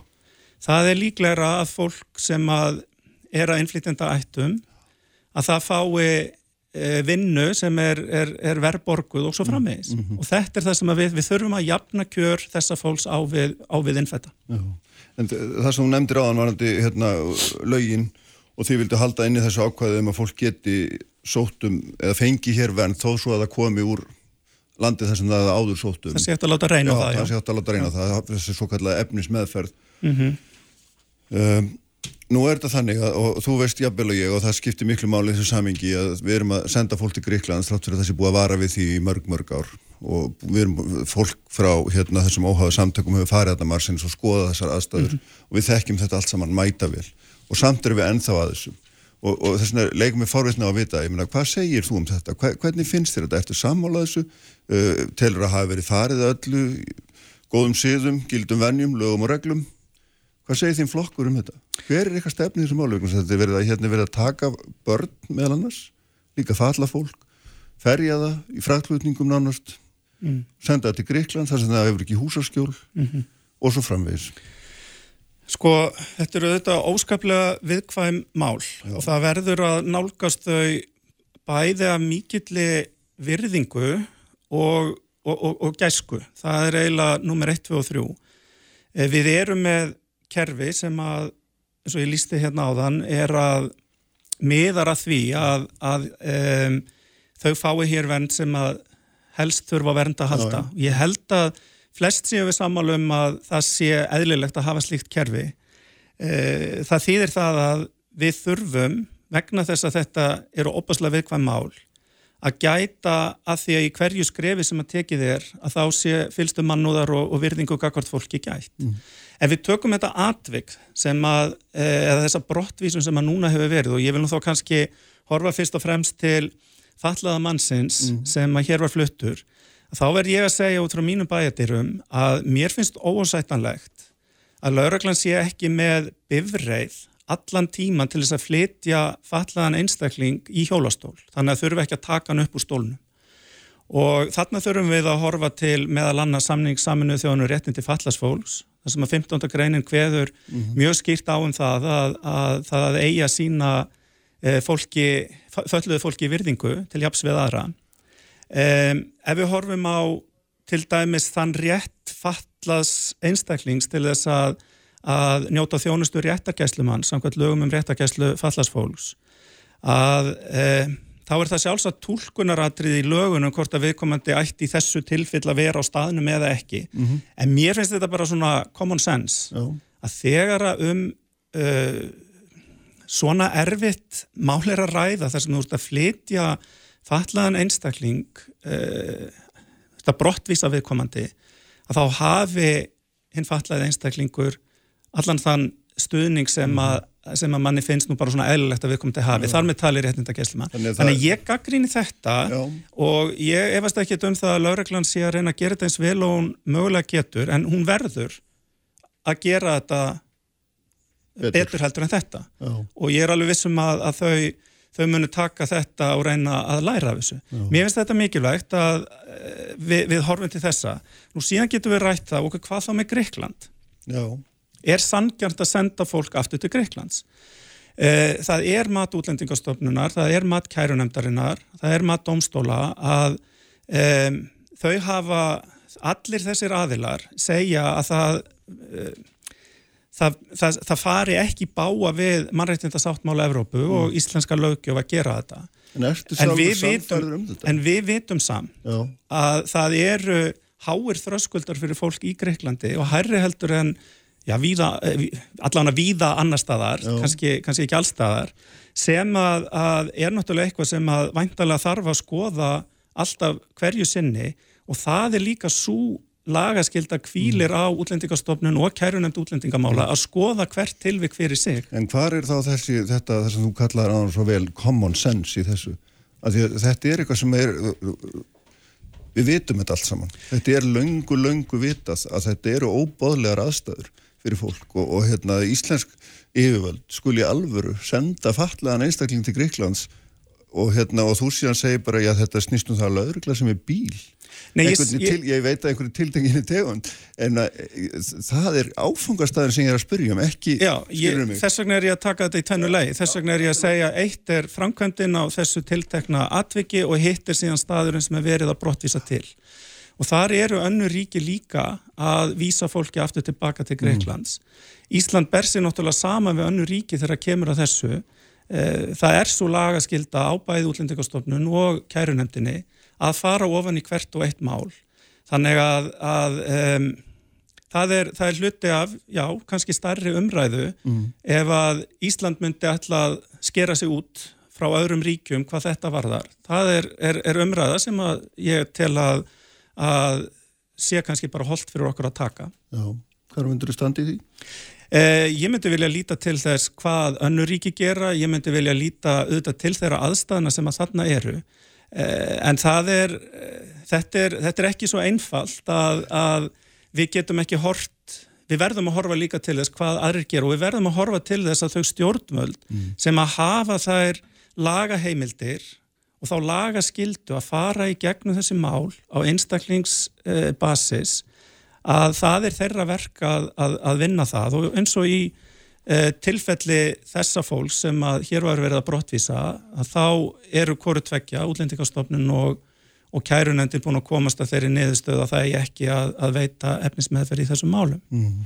En ef við, ef við förum aðeins sko því að það er þetta, sko, oft þannig að við týnum okkur í umræðu um þessi mál í svona einstökum atvökum. Það, það er mjög svona skiljanlegt að sjálfsögðu. Það er bara mannlegt. Já, alg, algjörlega sammálaður um það. En, en svo er þetta líka mjög stærri spurning um það hversu opið við viljum hafa landamærin ef að, svo má segja, því að nú vitum við það að þau eru mjög lokuð fyrir fólki sem ekki er af EES-svæðinu og vill til dæmis bara koma hér til vinnu.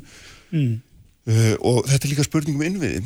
Mm -hmm. hvað viljum við, og það er bara hérna, nöðsynlegt að, að ræða þó að það sé kannski ekki skemmtilegt en það er bara nöðsynlegt að ræða líka í hvaða hlutvöldum við ætlum að setja pening í þessi mál versus mm -hmm. fólk hér heima sem hefur það skýtt og þetta er eitthvað sem stjórnmálamenn því miður hérna, þetta er ekki létt, ég átta mig á því en þetta er eitthvað sem hérna, þarf að um þetta þarf að verða einhver umröða Já og eins og ég bendi bara á hérna í upphæfi að við erum með þetta ákveði í útlendingalögunum sem að gefur okkar lögbundnu stopnunum uh, útlendingastofnun og kærunemdini ef að, ef að málum er vísað áfram til hennar færi á því að taka mál fólk sem þegar hefur fengið verðn til efnislega meðferðar. Mm. Það er eitthvað sem að, sem við erum kannski að ganga svolítið lengra heldur en allavega margar aðrar þjóðir. Síðan er hitt sem þú nefnir um, sko hvernig skiptum við kökunni mm. og það er alveg ljóst að um, það fólk sem að hinga kemur það hefur bara ákveðin réttindi. Það hefur ákveðin réttindi bæðið samkvæmt alþjóðalögum og samkvæmt íslenskum lögum á ákveðinni þjónustu. Og um, við vitum það alveg að þessi þjónusta og kannski þröskuldarnir til þess að nálgast þessa þjónustu eru auðvitað eitthvað mismunund á milli landa. Eh, þar sem ég er nýkominn frá Noregi og var hérna hæla normennum í Hástert hérna áðan að þau gera þetta mjög vel, þau hafa mjög umfangsmikið uh, kerfi þar sem að uh, byggir á löggjöf sem að þau hafa verið með frá 2006 sem er svona rammi utan að hvernig þau taka á móti fólki. Um, sveitafélögin fá uh, fjármagn sem að fylgir með því þegar þau taka á móti ákveði mörgum flottamönnum og við erum að hluta til með þetta sama kerfi, við erum með samninga um samrenda móttöku við sveitafélögin, eitthvað sem við erum að ganga frá núna með allmörgum sveitafélögum. Það er hins vegar ekki næri því öll sveitafélög hér á Íslandi inn í þessu og mesta álægið hefur verið á Hafnafjörð, Reykjanesbæ og Reykjavík hinga til. Um, það er mikilvægt að mínu vita að við höldum áfram að þróa þessa lögjöf. Um, ég til hins vegar líka að það sé mikilvægt því að þú nefndir það svo ágætlega hérna áðan að fólk sem er að koma utan EES-væðisins. Og er í rauninni að reyna að komast inn í landi í gegnum verndarkerfið en er kannski fyrst og fremst að leita sér að eiliti betra lífi mm. og þess vegna kannski atvinnu að við höfum einhverja leiðir, einhverja fleiri leiðir en við höfum í dag, það eru vissulega leiðir í dag e, til þess að mæta þessu fólki og það er eitt af verkefnum stjórnarsáttmálans að horfa í það. E, við erum með nefnd núna um atvinnuréttindi útlendinga á milli dómsmálaráðanetisins, e, félagsmálaráðanetisins og, og, og, og háskóla nýsköpunar og yðnaðaráðanetisins sem að er að horfa á þetta verkefni ásamt fleiri verkefnum sem að snúa atvinnu þáttöku innflytjenda og útlendinga sem að ég tel að sé bara mikilvægt að við skýrum það betur, hlutinir hafa breyst frá því að þessi lögju var sett fyrir um 20 árum síðan og bara mikilvægt að, að skoða það með, mm. með jákvæðum augum. Um, þessi málaflokkur hann er ekki bara, sko mér, mér finnst umræðanunar málaflokks svo oft vera þannig eins og þetta sé bara vandamál og vesen. Og ég vil svolítið horfa á þennan málaflokk sem tækifæri.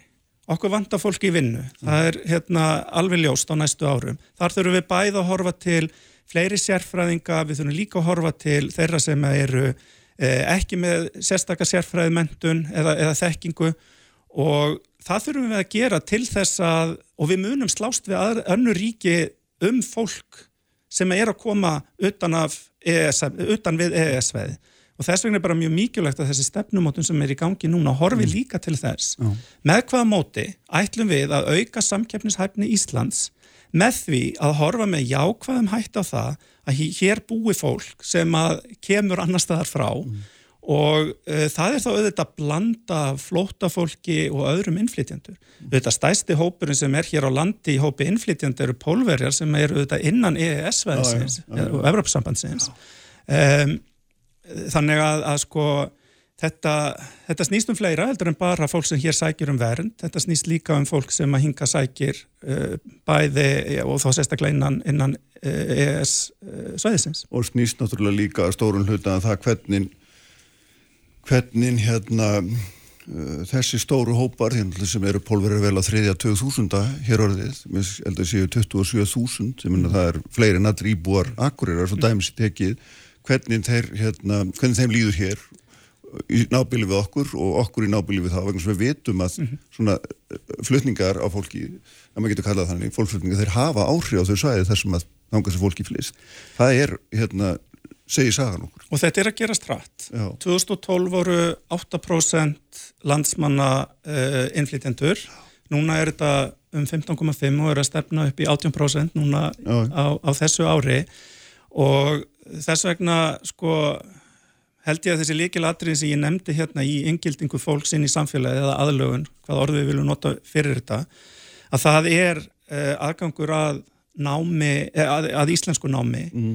Og ekki bara sko, ekki bara það að læra íslenskuna heldur, heldur líka aðgangur síðan að námi í framhaldsskólum og í háskólum, hvort sem að það er á íslensku eða ennsku eða öru tungumáli, þannig að viðkomandi geti bætt við þessi mentun Í öðru lagi þetta að meta mentun og fyrri störf fólks uh, og svo í þriða lagi að, að aðstóða fólk við að komast út á vinnumarkaðin og, við, og það hefur í sjálf þessi gengið vel en við erum samt sem áður núna í fyrsta skipti eftir, eftir koronaviru faraldurinn að sjá langtíma atvinnuleysi vera meira á meðal innflytjanda heldur en innfættra. Mm.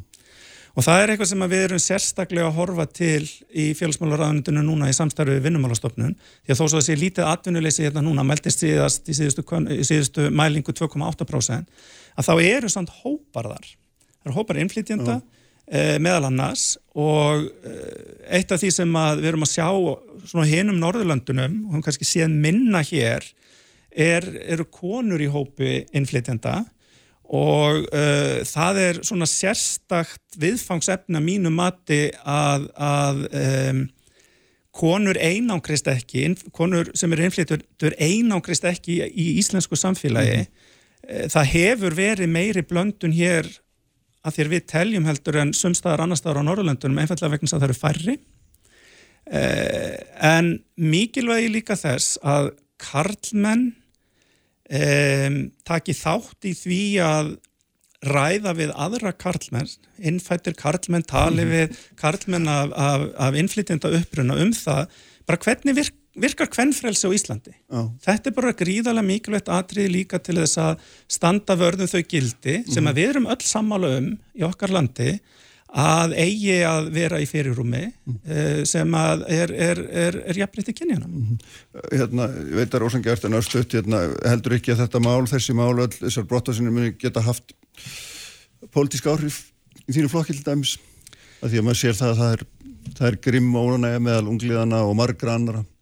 Já, ég menna við erum að, að heyra frá mjög mörgum okkar flokksfélögum uh, óanægju með þetta og líkt og ég sagði hér áðan að þá er ég ósáttur við hvernig þessi framkvæmt mm -hmm. var, var gerð. Um, þetta er eitt af þungum álunum. Það ja. er bara einfallega þannig. Nákvæmlega. Hérna, enn annað. Já, hvað er nú það? Já, það er nú það. Hvaða máli skiptir það ef að vera skipt um formann í sérstæðarflokkum?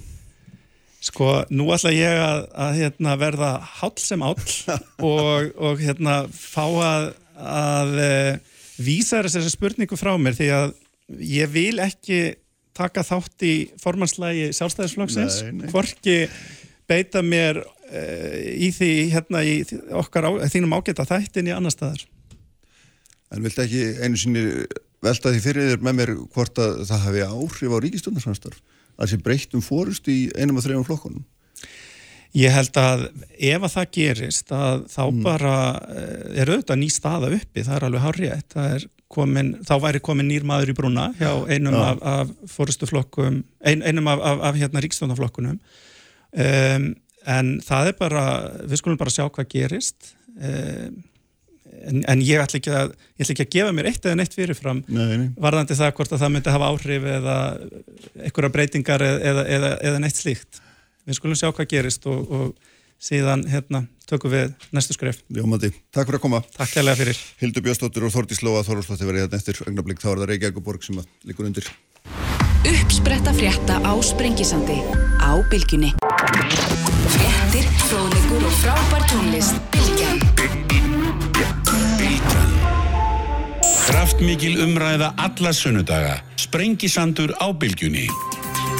Særilustundur, Guðmundur Ingi Guðbrandsson fannir frá minna þar í sestar hérna Hildur Björnsdóttir og Þórildur Lóa Þólastóttir, Sælur Blessaða báðar velkomnar borgarfulltrúar þetta eh, ekki góð góð tíndi af rekstri Reykjavíkuborgar og hérna stefnir 15 miljardar krona halla á þessu ári 6 miljardar næsta ári og svo framvegis þarf að grípa til haraðingar aðgerða en hérna um leið á þrá þessi sagt þá kemur í ljós að eða frá því sagt að hérna þungi í misa málflokkar, sérstaklega í málunum fallar alls er svo mikill að ef þetta haldi áfram þá eru þeir ekstu borgarinnar ekki sjálfbær.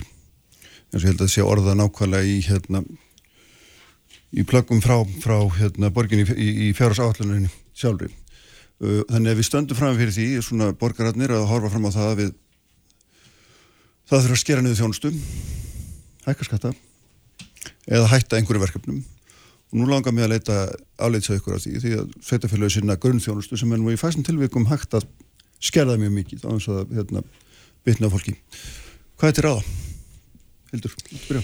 Já, við auðvitað hefum lístir miklum ágjum á þessum uh, þessar útkomu spá sem við mm. fáum fyrir árið 2022 að fjárhás áallum síðasta árs skerir á fyrir 2,8 miljardar halla þetta árið þannig að þetta er uh, nær sexfaldur halli meðan við áallanir og við viljum auðvitað vera sangjötn og það eru auðvitað svo að, að málaflokkur fallast fólk sérstaklega sem að var færður frá ríki yfir sveitafélaga fyrir uh, nokkurum árum síðan uh, hann er mjög þungur í rekstri sveitafélagana og það er ekkert bara Reykjavík, það er bara um land allt og á fjármálar ástöfnu sveitafélaga á dögunum þá var þetta uh, fólki með tíðrætt um þetta. Og Sigurður Ingi sagður hennar á rástefnunu að það væru um, svona það ætti að bræðast við þessu en við vitum ekkert nákvæmlega hvernig og það er mjög mikilvægt. En hins vegar að þá sko við erum ekki komið með kannski nákvæma tölu á uh, uh, í rauninni kostnaðunum við þennan, þennan málaflokk fyrir borgina en 2021 verður 6,7 miljardar þannig að jú, þetta er vissulega stór biti en það er samt ekki einu svona helmingurinn af hallanum sem við sjáum fyrir þetta ár. Uh, hvað er til ráða? Já, við viljum auðvitað bara sjá ráðdild í rekstrinum og við höfum bent á að staðan eins og hún er í dag þetta er auðvitað uppsafnaði vandi. Þetta er afleðing af margra ára óábyrgum rekstri og það er ekki tekt að leysa það á einni nóttu. Þannig að við þurfum bara að fara í ábyrgar aðgerði til margar ára til þess að vinda ofan á stöðunni. Hvað þýða ábyrgar aðgerði? Ábyrgar aðgerði það væri til að mynda við viljum stöðva skuldasöfnunina. Og ég hef bent á það að það er þannig í dag að næstu í tíunda hver króna af tekjum borgarnar fyrir að greiða vexti og verðbætur á lánum. Og sem er verið að halda finnst manni stundum inn í borgarkerfinu eins og lánsfés er bara eitthvað peningatré og þú það bara rinni peningarnir inn og það kosti ekkert að, taka það á láni en, en það gerir það vissulega. Og það er það sem við fáum með því að greiða nögu skuldir er að draga úr þessum vaksta kostnaði og verbótum e, við viljum líka bara hætta hverskinn skæluverkefnum eins og, eins og maður kallar það og, og sumslík verkefni myndi ég ekkert endilega kalla gæluverkefni þegar að vel árar. E, en eitt alveg dæmigert er til dæmis og það, svo, það skaut svo skökku við að við erum að fá þessar útkomusspá 15,3 miljardar halla á þriðjudegi. Á miðugudagsmotni fá svo allir íbúar höfuborgarsvæðisinn 64 að síðna bæklingum húsnæðisuppbyggingu innum lúna. Og mér reknast til að þetta kosti, þessi bæklingur hafi kostað cirka 15 miljónir með vaski. E, þannig að svona lítið dæmi um Mhm. bara svona ákveður. Rögl e, ég menna við viljum líka minga yfirbygginguna hjá borginni. E, og þá er ég að tala um að draga úr til dæmis þessum vexti í starfsmannafjölda Ég bent á að síðustu, á síðustu fimm árum hefur starfsmönnum borgarinnar fjölgað um 25% og á næsta ári á me- mestur starfsmannavöxtur að vera í miðlar í stjórnsýslu og meðan starfsmönnum leikskóla á fækka. Þannig að þarna er þetta, þetta er hérna, mjög öfugsnúið og svo viljum við styrkja tekistofnana og við erum með svona svolítið aðra nálgun á það mál heldur en meirflutaflokkarnir. Þortís, Lóa, þú komst inn í stjórnmálun og þið ábyrg fjármálastjórn og slagur viðröstnar fyrir. Hartnar fimm árum. Þegar maður horfir á þetta, hvað líkur ábyrðin? Ábyrðin líkur náttúrulega bara hjá okkur öllum, bæði hjá okkur sem erum að stýra sveitafölugum og líka hjá ríkistjórninni.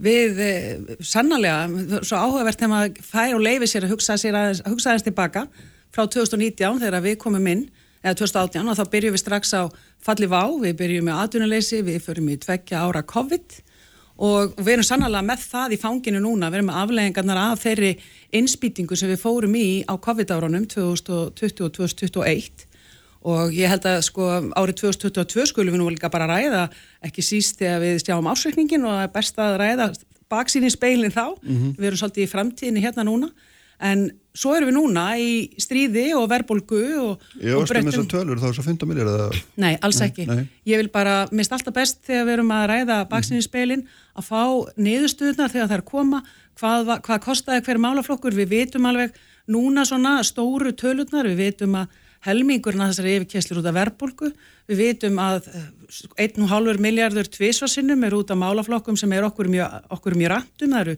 skóla og frístundamál og og það eru velferðamálinn þannig að það er ástæðan fyrir því að við erum hér og nú með þessa tölur. En það sem við erum að gera núna er emitt ábyrgur fjármálrekstur við erum að kynna hagraðingaraðgeri sem eru bæði vöxtur en líka hagraðingar því þetta er alveg rétt hjá okkur. Það verður að gera þetta skinsanlega það er ekki hægt að kýpa bara í handbrensuna og hætta bara öllu. Við erum með grunnþjónustu, leikskóla, velferðina hjúkurnaheimili þannig að þetta verður að gera skinsanlega og við kynntum núna fjármálastefnu sem er svona leðaljósi okkar til 27 hún byggir á 10 ára fjármálastefnu sem við gerum í fyrra.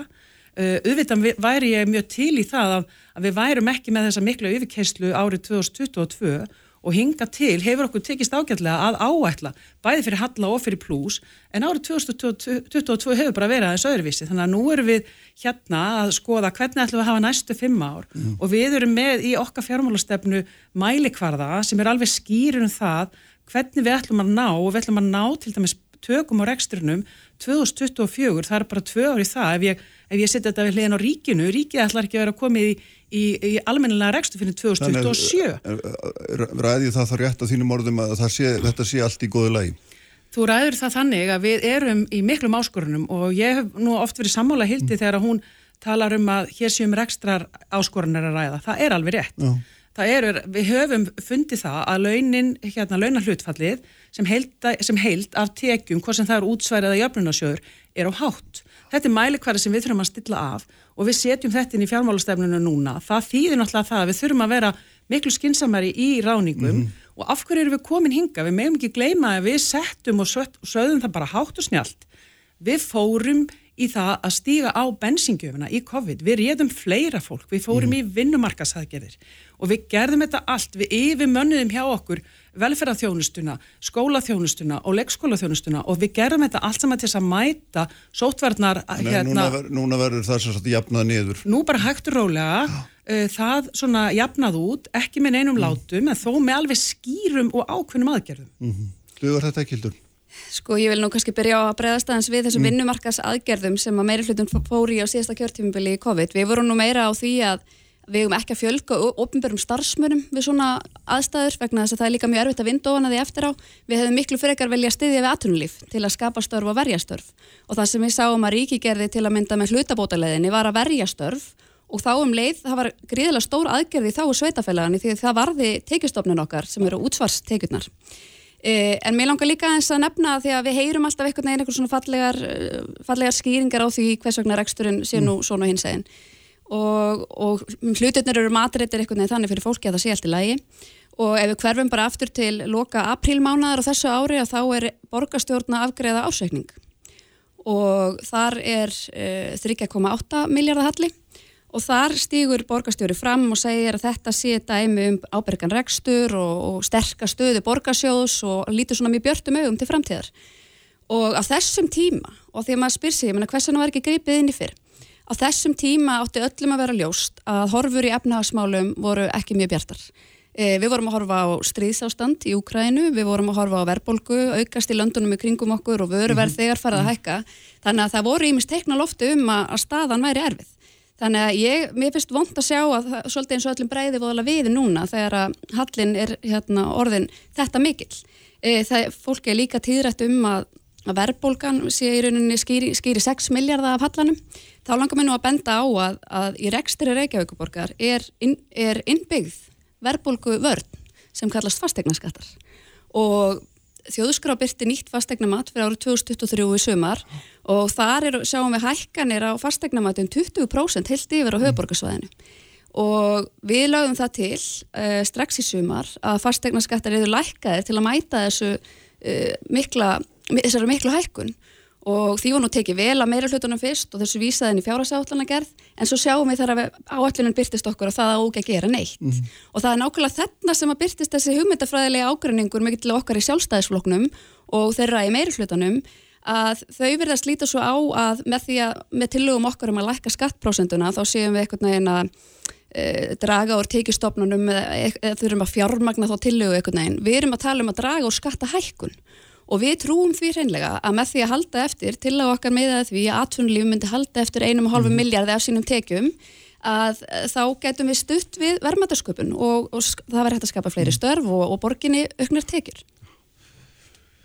Já, þarna sko grundvallratrið þetta er, sem við hérna, þarf eitthvað meina að ræða sérstaklega og það er, það er bara þetta, þetta, þetta er lögbundin þjónusta sem við erum að veita á hálfu sveitafélaga og það er skralli erfitt að draga úr framleiðin til skóla, leikskóla, fallara og svo framvegis mm -hmm. og þá er náttúrulega ber náttúrulega stjórnmálamönnum sem vilja sína ábyrga fjármálastjórn að eigða ekki peningunum í eitthvað annað mm -hmm. er það ekki? Ná, við hljóttum að vera sammála um það og, og það er það sem að maður velti fyrir sér Menni, hvernig ætlar borgin að ná jafnvægi án þess að draga úr þessari nöðsylegu þjónustu Það er á fullt að stöðum sem við getum gert það. Langar, það er nefnilega á að vera punktar aðeins í málefni heildar sem ég langar aðeins að kannski skell okkur að, aðeins að mm -hmm. ræða betur ja. og það er þessi staða það brá engum, við vissum þetta alveg strax, sko, fjármálborgarinnar eru þannig að við fáum í borgaráði mánalegt uppgjör en þau byrja ekki að koma inn fyrir en svona þrem fjórum fyrsta uppgjör kemur ekki fyrir en í mæ, april-mæ ef ég mann rétt og þá sjáum við Þá sjá, já, við erum alltaf, það er svolítið delay í svona stóru kerfi, það má gjarnan hraða því, ég er nú mjög á því, en, en við erum svolítið sein að sjá, en við sjáum strax ákveðin teknolofti, við sjáum náttúrulega strax að við erum komin í stríð, við erum komin í alltaf aðra verðbólgu og hún er ekkert að hjana og eru spánum það að hún sé að aukast og Mhm. en bakstast í það en þá fara Já, upp og, já. og mér finnst svolítið áhugavert að því að við byrjum strax að þetta í borgaráði, við komum strax inn við þá komum við inn með það að við ætlum strax að fara að taka á uh, aukningu í launum og við ætlum að fara með ráningarreglur og mér langar að spyrja Hildi, mm hva, hvaða aðgerir hefði átt að fara í þarna í apríl uh, sem að hefðu þá ekki haft áhrif á þjónustuna sem hefðu getað dreigið úr þessum gríðalega halla? Ég held við þurfum að finna þau verkefni sem eru ekki lögbundin verkefni sveitafélaga til að byrja með. Þar getum við til að mynda e, dreigið svona úr þessum vexti sveitafélagsins. Við erum að sjá til að mynda að fyrir tveimur árum síðan var ákveðið í fjárhásáallun að verja 10 miljardum á þreimur árum í stafræna umbreytingu og þjónustu borgarinnar. Og við styðjum algjörlega að við erum hérna mitt í fjórðu umbyltingunni, að við förum í þessa stafræna umbreytingu. En nú er, nú er tveir þriðju á þessum tíma og þessum fjármunum liðnir og maður sér ekki afurðirnar. Og maður velti fyrir sig hvort við þurfum aðeins að, aðeins að bremsa og aðtuga hvernig hefur þetta gengið og erum að verja peningunum til dæmis vel. e, svo bendi ég til dæmis á bara lítið dæmi en það er svona eitthvað sem kannski er til umhugsunar og það er bara fjölskyldu hústýragarðurinn og ég vil taka fram aður en ég held lengra að ég elska fjölskyldu hústýragarðin og við fjölskyldan eigum árskort e, en maður velti fyrir sér er það hlutverk sveitafélags eða hins opinbera yfir höfuð að reka fallturn og klessubíla og einhverja báta? Og vegna, þess að þessi garður er rekin með næstu háls miljardar tapi á ári hverju. Þannig að skattgreðendur eru að niðurgræða þannig garð um hálfan miljard. Við þurfum að finna þessi verkefni. Það er algjörlega rétt. En mér langar hans að breyðast líka við Já. varandi ráðningareglundar, bara örstuðt. Að e, við samþyktum þær. Ég er endarlæði til samskonar reglur fyrir tveimur árum síðan nema þar áttu algjörlega að verja starfsfólk leikskóla og grunnþjónustu, áttu bara að taka á svona e, stjórnsýslunni og hérna miðlari stjórnsýslu og ég veit ekki hvert meira hlutaflokkat er ætluð þeim þótti þetta svo mikill dónaskapur að minni hálfu en allavega þessar reglur komu fram og við stuttum þær. En eftir á hefur komið í ljós að það leikskólastjórar hafa fengið bref um að þeir eru að halda þessir höndum í ráningum á leikskólum. Og það merkilega er að þetta er talað um sko við ætlum að hætta að ráða starfsfólk sem er ekki nöðsynlegt og þetta hefur svolítið verið rætt á landsfundu okkar sjálfstæðismann að býtu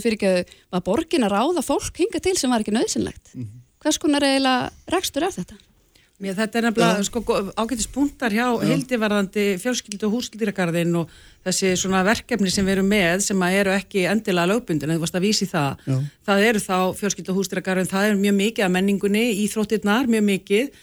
Eh, Það sem við erum að gera núna er einmitt að við erum að draga um 9 miljardar úr fjár, fjárfestinga áallunum okkar frá gildandi 5 ára áallun sem er núna gildandi þá við samþykjum þessa að þá erum við að draga úr um 9 miljardar í fjárfestinga á næsta ári og, og það, þar erum við að fresta ákveðnum aðgerðum sem snúa þá sérstaklega af þessum verkefnum. Við erum að fresta vetragarðinum upp í, upp í breiðholti, við erum að, að fresta og svona tengja aftur, lengra aftur í tíman, grófarhúsið, endurbygging og því, listhúsið, en á móti kemur að við erum að halda okkur alveg í ákveðnum vexti í leggskóla uppbyggingu, í skóla uppbyggingu, svo í talningum viðhaldi sem er búið að vera stóra verkefnið. Þetta eru þessi mál sem við viljum halda okkur í, en það hefur mikið að segja að við erum líka borg í gríðarlega miklum vexti og það er oft talað um að það sé mikil hérna, vöxtur á árborg og í hveragerði og sem eru nú hérna svolítið uppáhald sveitafjölu hjá mér en Reykjavík er að vaksa um eitt hveragerði á ári. Já, en- þetta eru reysa tölur og þess vegna þurfum við einhvern veginn bæði að ná þessum balans að vaksa en líka að vera ábyrg og draga saman. En við erum ekki að vaksa nægilega hratt, við þurfum bæði að vaksa hraðar hvað varðar húsnæðisuppbyggingu og geta tekið hér á móti, móti fleira fólki og þannig styrkjum við tekjastofnin með að fá fleiri útsvarsgreðendur og við þurfum að vaksa hraðar hvað varðar atvinnulíf. Því við erum ekki að skapa vannlegt umhverfi fyrir atvinnurekstur, hvorki hvað varðar atvinnulóðir, ekki skatta umhverfi og ekki sveigjanlega, sveigjanlega stjórnsvíslu. sko, hérna launathróun hjá Reykjavíkuborg undanfærin ár.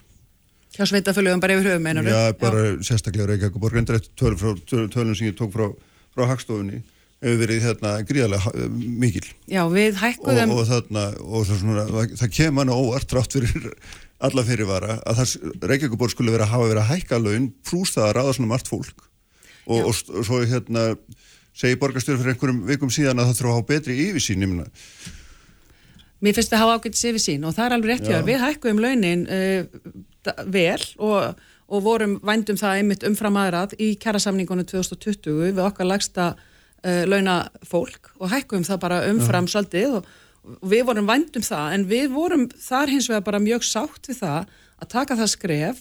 Við vildum þá líka finna bara leiðir annar staðar í kerfinu til þess að draga saman. Við gátum ekkert gert það alveg strax, við vissum það. Og ég held marga ræður um þetta í borgarstjórn. Við vissum við vorum að gefa í og við vissum líka að okkur tímpúnti þyrftu við að hætta því, draga úr og breyta og það hérna í dag er við með ákveðna hagraðeikakröfu sem er þá verkefnamiðuð en líka þetta launahlutfall sem við erum búin að vera að tala um þetta eru bara áskarunir og verkefni sem við erum með fyrir framann okkur núna maður bregðast örstuðt við að þá er áhugavert að það er þannig í dag að af hverjum þúsund krónum sem renna í mm. borgarsjóð af launatekjum fólks þá fóra 890 krónur í að greiða laun ofnbæra starfsmanna hjá borginni og það er dæmi um slæmarækst. Það er mannaður sem við erum með. Ljómandi, hérna, takk báðar fyrir að koma Ívar Daví Haldursson var á tökunum og við verðum með ykkur aftur hér eftir viku, verið sæl. Ertu að fara að byggja? Struktúr